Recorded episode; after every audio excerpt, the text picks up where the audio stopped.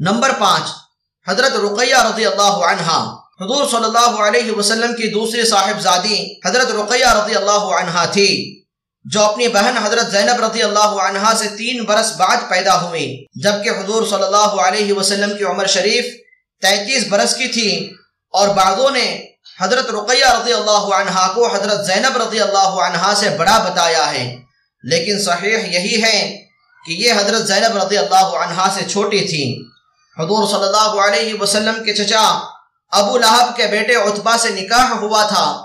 جب سورہ تبت نازل ہوئی تو ابو لہب نے ان سے اور ان کے دوسرے بھائی عطیبہ سے، جس کے نکاح میں حضور صلی اللہ علیہ وسلم کی تیسرے صاحبزادی حضرت ام کلثوم رضی اللہ عنہ تھی، یہ کہا کہ میری ملاقات تم دونوں سے حرام ہے، اگر تم محمد کی بیٹیوں کو طلاق نہ دے دو۔ اس پر دونوں نے طلاق دے دی۔ یہ دونوں نکاح بچپن میں ہوئے تھے رخصتی کی نوبت بھی نہیں آئی تھی۔ اس کے بعد فتح مکہ پر حضرت رقیہ رضی اللہ عنہ کے خاوند عطبہ مسلمان ہو گئے تھے، مگر بی بی کو پہلے ہی طلاق دے چکے تھے۔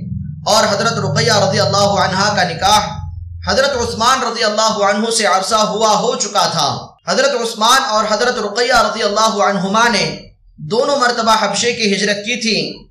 جس کا بیان پہلے باب کے دس نمبر پر گزر چکا اس کے بعد جب حضور صلی اللہ علیہ وسلم نے یہ ارشاد فرمایا کہ مجھے بھی ہجرت کا حکم ہونے والا ہے اور مدینہ منورہ میری ہجرت کی جگہ ہوگی، تو صحابہ رضی اللہ عنہم نے مدینہ طیبہ کی ہجرت شروع کر دی۔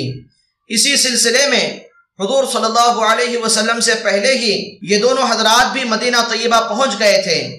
حضور کی ہجرت کے بعد جب حضور صلی اللہ علیہ وسلم بدر کی لڑائی میں تشریف لے جانے لگے تو حضرت رقیہ رضی اللہ عنہ بیمار تھیں۔ اسی لیے حضور صلی اللہ علیہ وسلم حضرت عثمان کو ان کی تیمار داری کے واسطے مدینہ چھوڑ گئے۔ بدر کی فتح کی خوشخبری مدینہ طیبہ میں اس وقت پہنچی جب یہ حضرات حضرت رقیہ رضی اللہ عنہ کو دفن کر کے آ رہے تھے۔ اسی وجہ سے حضور اقدس صلی اللہ علیہ وسلم ان کے دفن میں شرکت نہ فرما سکے۔ حضرت رقیہ رضی اللہ عنہ کے پہلے خاوند کے یہاں رخصتی بھی نہیں ہو سکی۔ تو اولاد کا کیا ذکر؟ البتہ حضرت عثمان رضی اللہ عنہ سے ایک صاحب زادے جن کا نام عبداللہ تھا، حبشہ میں پیدا ہوئے تھے، جو اپنی والدہ کے انتقال کے بعد تک زندہ رہے اور چھ سال کی عمر میں سن چار ہجری میں انتقال فرمایا۔